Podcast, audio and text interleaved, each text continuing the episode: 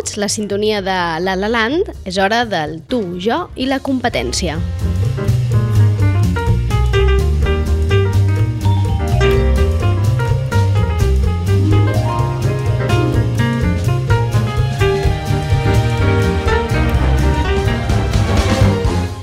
Ja ho saben que cada 15 dies parlem amb Sandra Carbonell i parlem de temes de comunicació, de màrqueting, de branding, pensant en vosaltres, en tots aquells que teniu marca, petit negoci, que teniu petita empresa i que doncs, voleu donar-li un fort impuls i d'alguna manera doncs, actualitzar-vos, sobretot ara que estem en aquesta era digital. Molt bon dia, Sandra. Hola, bon dia. Com estàs? Bé, molt bé. Avui amb la Sandra volem parlar d'unes quantes coses, eh? Tenim una mica de miscel·lània, hem fet un programa així una mica de miscel·lània. Per on vols començar, Sandra? Per on tu vulguis. Doncs vinga, què, què et sembla si comencem fent, parlant d'això que em comentaves sobre el Black Friday, que ja acabem, que acabem ah. de passar-lo, eh?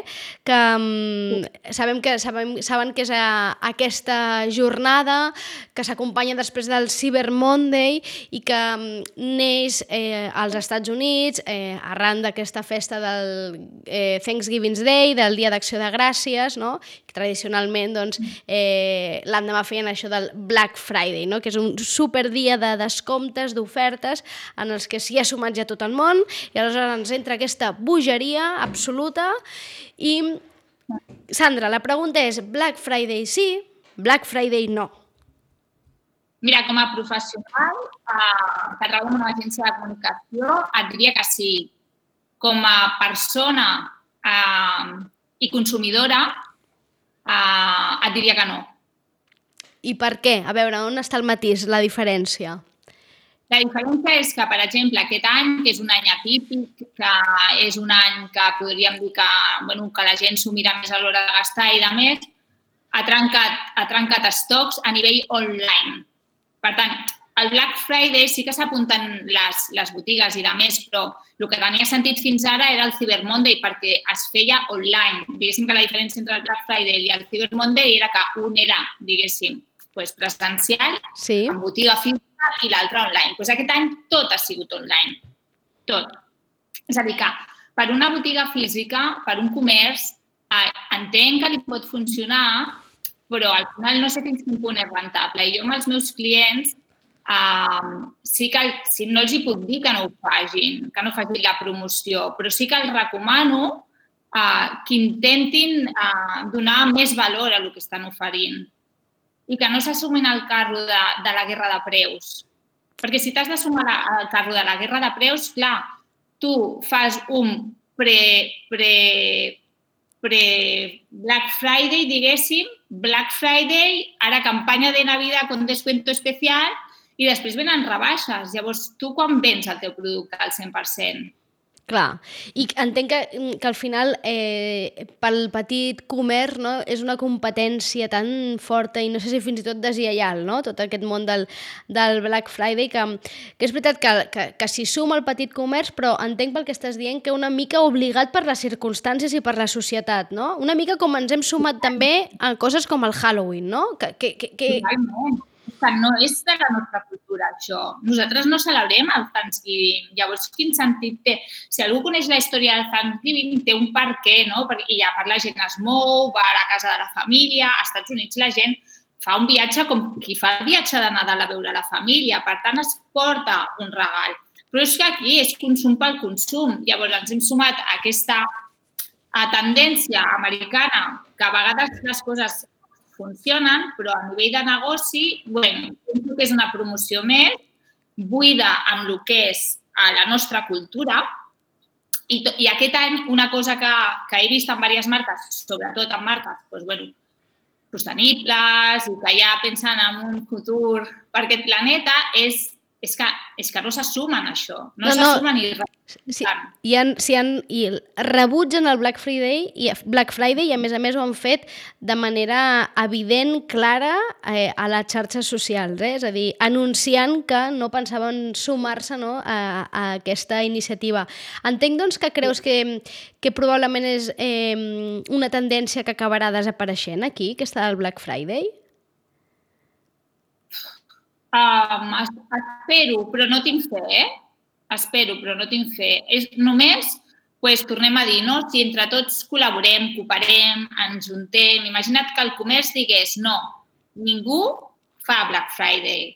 Llavors estaríem en una situació justa, perquè realment tu compres, no compres coses de necessitat, és a dir, no hi ha un reis. La gent s'està acostumant a que el Black Friday em compro lo, lo, lo per, ja, ja per si he de comprar sí. de cada reis i de més, però encara et falta un mes, un mes i alguna cosa. Mm. I després, també, aquest any s'ha vist més que mai bueno, que hi ha marques, no? o grans, grans establiments o grans pàgines, mm, marques online, doncs, bueno, que augmenten els preus, després els rebaixen, però després, si tu fas una comparativa, però això ha sigut sempre, eh? ha sigut sempre. O sigui, des de fa, et podria dir inclús 8 anys o així, que jo recordi, de marques, no te'n dic cap per no, però de marques grans, de dir, ostres, però si jo aquest producte al setembre el vaig veure a 30 euros, ara em diuen que me descompta val 29,99, o sigui, i em, i em fan creure que serà 49. Mm, bueno, Clar, això, però ens estan permetent. Juguen, juguen molt amb això i clar, és veritat que mm, un dia també podem parlar, eh, dedicar el programa a totes aquestes eh, tendències generalistes com, de com el, el, el petit comerç no? Eh, si ha de sumar, si ha d'afegir, si els interessa o no, perquè, per exemple, el tema de les rebaixes també és una cosa que ha canviat moltíssim, no? Quan nosaltres érem eh, petites, el període de rebaixes era com... Realment era un període de rebaixes, era, no? Arribava l'estiu i, i hi havia rebaixes, i, i arribava el, el gener després de Nadal i hi havia rebaixes i eren rebaixes de veritat. I ara, com que hi ha tantes promocions al llarg de tot l'any, realment aquesta sensació de rebaixes mm, no es viu tan present com quan es vivia aleshores, que potser tenia més sentit, no? No sé si ara té gaire sentit, això. No. Ara, jo penso que no, no, té sentit, perquè també si no, vas a comer o vas a lloc i està bé, eh? està bé perquè al final el que ells necessiten és vendre i, i ho fan tot. Però hi ha com espais destinats a fora stocks. No? Llavors, tu no tens rebaixa, però tens un producte rebaixat no? I això ho hem après de, pues, de, de grans corporacions, no? Inditex és la primera que ho fa. Sí. Clar, tu entres allà i tenen la col·lecció nova, que és el que t'agrada en realitat, però per captar et tenen allà les rebaixes posades també tot l'any.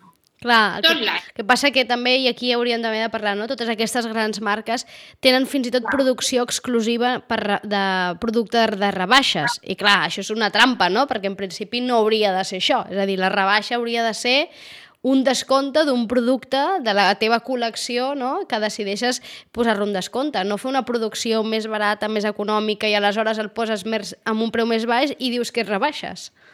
Correcte. Clar. I amb això, òbviament, el petit comerç no, no, no, no pot competir i no ha de competir i sabem i entenem que és una competència de GEAL. Bé, deixem aquest tema i ja l'agafarem, eh? Algun dia, igual en període de rebaixes, en podem parlar i aprofundir una mica més en el tema, perquè em sembla interessant, sobretot pensant també en quines alternatives o com, quin enfocament no, li ha de donar el petit comerç. Si et sembla, seguim per una altra de les temàtiques eh, que teníem previstes per avui, i és que, com saben, la setmana passada es va celebrar el Festival de la Innovació i la Comunicació, el Sitges Next, era la seva cinquena edició, la primera eh, edició virtual, eh, se'n van treure unes quantes conclusions, va haver eh, molts ponents, entre ells eh, Xavi Verdaguer, que és un emprenedor eh, català establert a Silicon Valley, que jo vaig tenir l'oportunitat d'entrevistar en el seu moment, és un home molt, molt, molt interessant, i nosaltres tenim, hem tingut la gran sort, com que la Sandra col·labora amb nosaltres i ens parla precisament d'aquests temes, doncs hem, tenim avui com una corresponsal dels Sitges Next que ens parlarà o una mica ens farà una mica com de, de resum de què, què, què n'ha extret d'aquest eh, Sitges Next 2020.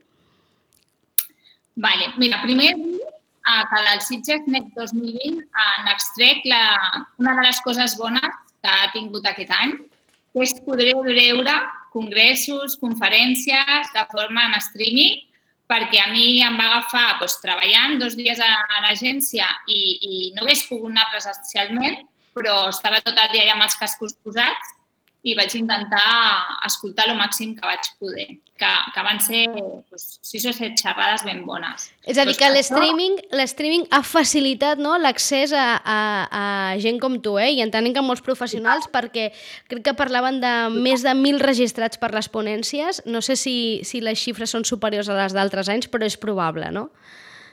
Mm pues jo, jo crec que, que sí, com a mínim ens dona la possibilitat als professionals, perquè crec que va dirigit a professionals, sí. bàsicament, mm. doncs, que, doncs que puguem bueno, veure una visió més global de, de el que s'està fent, el que ve, de...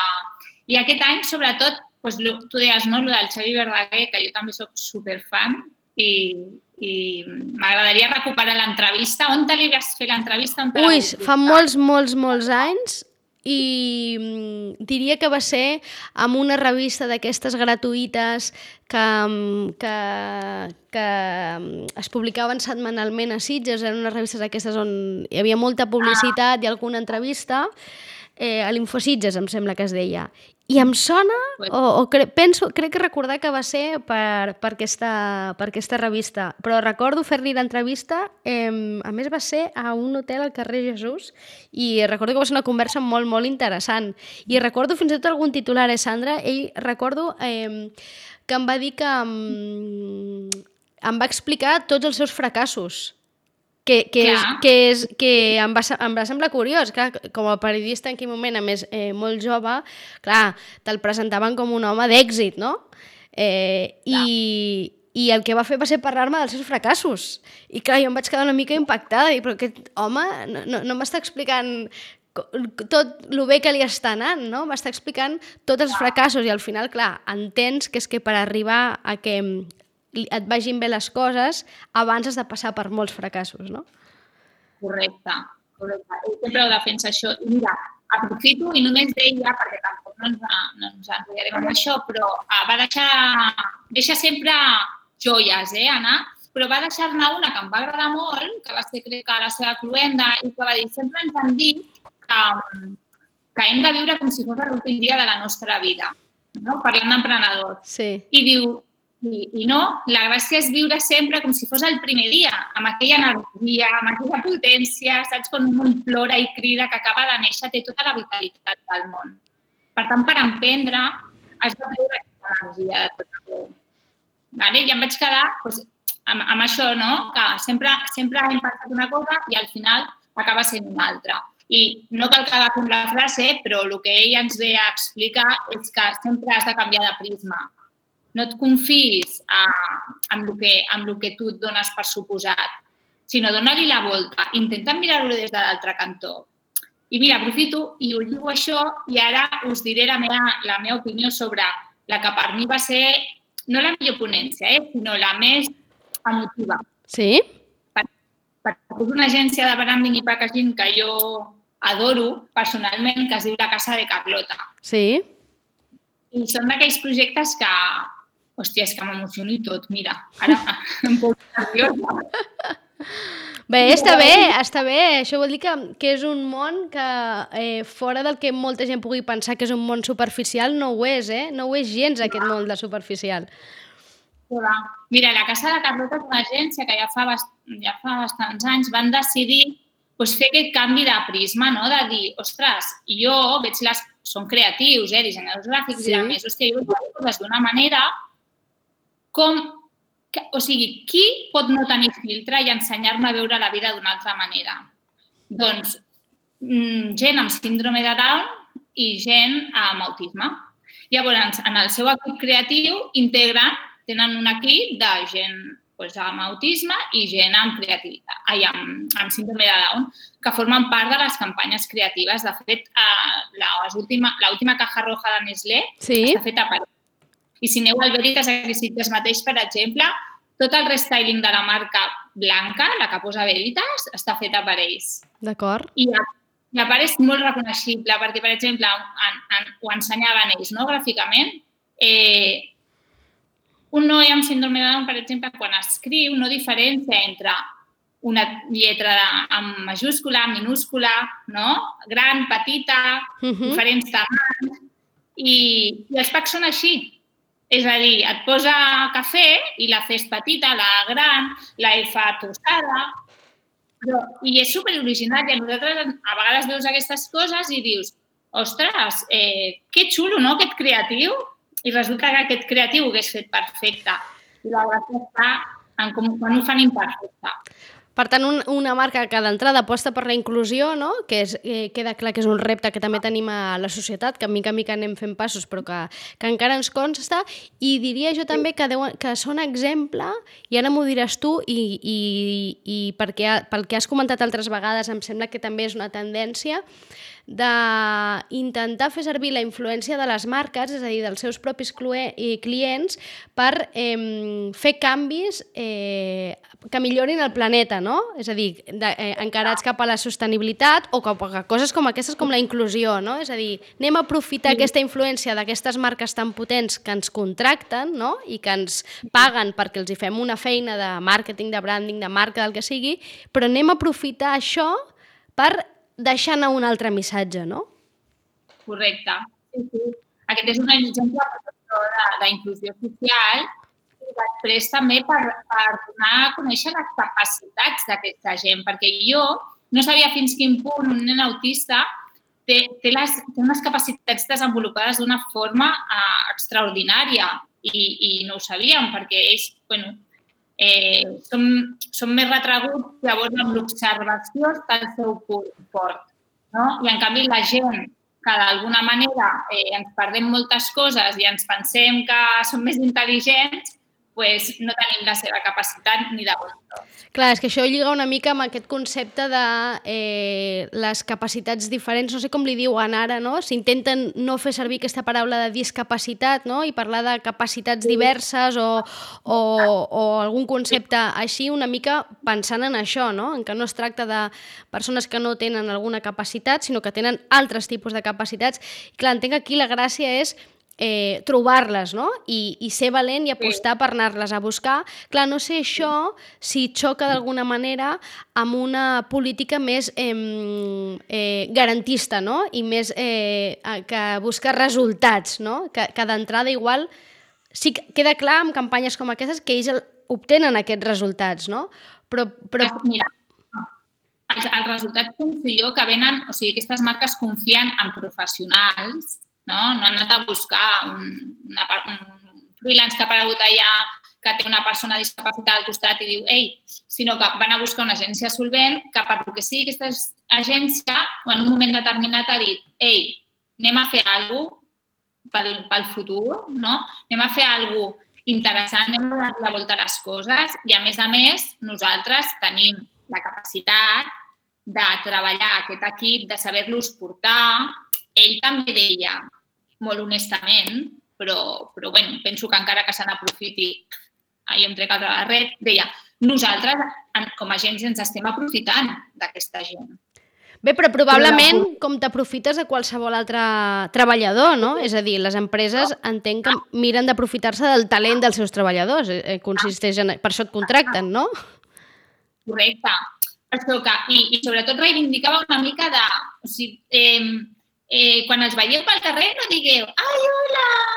No, és que o sigui, són gent com tu i com jo i, i, i, i, i encara més creatius, saps? I encara amb més capacitats. I encara vull dir que no tingueu cap tipus de, de, de sensibilitat de, oi, pobrecito, perquè no, no és així. Per tant, gent... aposta per la diferència, per la diversitat, per, eh, pel treball inclusiu, no només per la inclusivitat a l'escola, que sabem, per exemple, que el Garraf és una comarca pionera en això, sinó també en la feina, en les empreses, eh, que a més a més, mm, si no tinc mal entès, a més a més això acostuma a donar beneficis, eh? és a dir, fiscals o d'alguna manera, és a dir, crec que si tens un percentatge de, de treballadors amb, doncs això, amb certa discapacitat o nivell, crec que tens algun eh, avantatge fiscal fiscal. Clar, no sé si això és traslladable a la petita empresa, Sandra. A mi m'agradaria pensar que sí i m'agradaria algun dia poder fer alguna cosa amb, amb això. Penso que sí. És una cosa, o sigui, totalment uh, extrapolable cap amunt i cap avall. No, estic segura. Aquí tenim l'Ave Maria, que estic segura que hi ha un... Bueno, un exemple no. amb l'Institut de Robòtica que tenen brutal, no? Clar, sí, per tant, o sigui, segur, segur. Segur, hauríem de fer alguna cosa, Sitges. Clar, tot plegat, al final, Sandra, eh, gira entorn aquesta idea i aquesta paraula que no sé si ja està fins i tot una mica gastada, que no parem de sentir-la, que és aquesta de cal reinventar-se, no? Ens hem de reinventar. Que això, deu haver un munt de petits empresaris i, i petits botiguers i gent amb negoci propi que deuen pensar, això és molt fàcil de dir, és molt fàcil de dir, però com ho faig això, no? Com em reinvento? pues primer tu has de, preguntar, has de preguntar quines, quines són les teves aptituds no? Les teves actituds, aviam, tu què pots fer? Ens ho anem preguntant sempre, tu què pots fer? Tu què tens? Una botiga, un, una de roba, tens un comerç, tens un supermercat, tens una carnisseria, tens una cafeteria, què pots fer? Què pots oferir que sigui diferent? Jo, així a grosso modo no puc dir, però estic segura que si de veritat ens ho preguntéssim, torno a dir, sense filtres, saps? sense, sense... Si un brainstorming personal, si no tinguéssim... El brainstorming, ho he dit moltes vegades, però està prohibit la paraula no. Llavors, vosaltres feu pluja d'idees. Què podria fer? Pregunteu-vos, si tingués un milió d'euros i, i per invertir en el meu negoci, què podria fer? Fer una llista. Vale? Tatxeu, tatxeu allò que no podeu fer perquè no teniu un milió d'euros, però possiblement quedi una cosa que no depengui dels diners. Doncs si no... aquella és la cosa que s'ha de fer, no? Exacte. És un bon exercici aquest, eh? És un bon exercici. Et fas la pregunta de què faria amb el meu negoci si ara tingués un milió d'euros. I segur que et surt una llista immensa eh, de coses. I després et preguntes, bé, ara vaig a tatxar tot allò que no puc fer perquè no tinc aquest milió d'euros. I allò que quedi, que alguna cosa segurament, com deia Sandra, quedarà, allò és el que has de fer.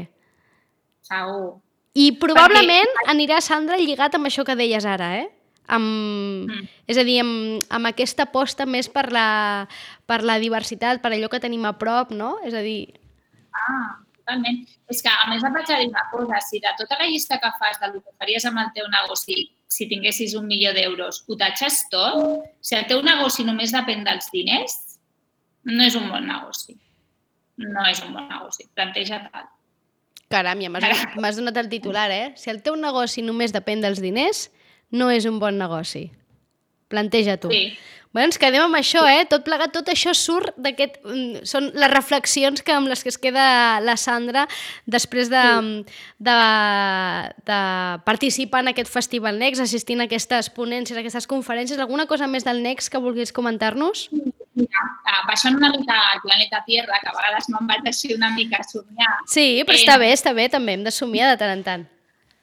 Sí, va haver una ponència molt interessant també, una mica feixuga per qui no entengui del tema, eh? però us diré re, una, tres inicials, o sigui, R-O-I. Parlava de ROI. Uh mhm. -huh. Aquesta paraula és molt important perquè tota aquella gent que estigui fent algun tipus d'acció digital, o sigui, que tingui una web, que estigui fent AdWords o que estigui fent campanyes en xarxes socials o alguna cosa, el ROI és el retorn que tens tu. D'acord. Llavors, sempre, sempre, sempre, de tota l'acció que tu tinguis, has de buscar el retorn. Llavors, calcular aquest retorn és imprescindible per poder plantejar possibles campanyes a futur o coses.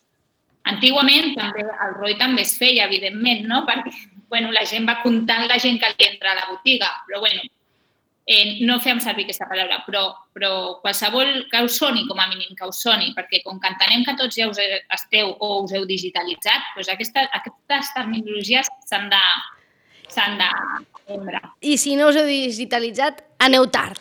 Perquè la Sandra ja fa molt de temps que ens ho diu, eh? Fa molt de temps, abans de la pandèmia i tot, perquè ara ara hi ha, sempre hi haurà un abans de la pandèmia o després de la pandèmia, no? Prepandèmia sí. o postpandèmia. Ara tota la vida ja ens, ens regirem eh, per, per aquestes dates. Eh, Sandra, alguna cosa més del Next? Del Next, mira, uh, sobretot tenint en compte també uh, el disseny experiencial, és a dir, eh, es va, sobretot amb el retail.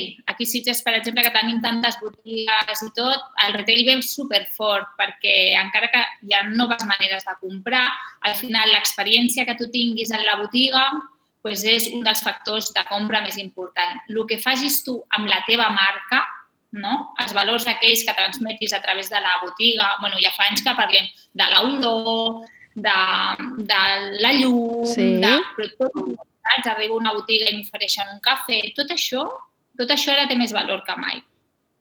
Per tant, tinguem en compte també. Tinguem en compte. D'alguna manera, Sandra, em, tinc la sensació que la pandèmia, com en tants altres sectors, ha, ha posat de manifest o, o ha posat al capdamunt de tot necessitats i coses que ja abans tenien valor i que ja recordàveu molt els professionals, però ara ja s'han fet indispensables, no? Perquè Mm. ja en parlàveu abans de, de la pandèmia d'això, no? D'aquest valor afegit, d'aquesta atenció personalitzada, de tenir-ne clar de què vols oferir. Clar, ara la pandèmia això mm, o sigui, eh, eh, eh, ho ha accelerat, no?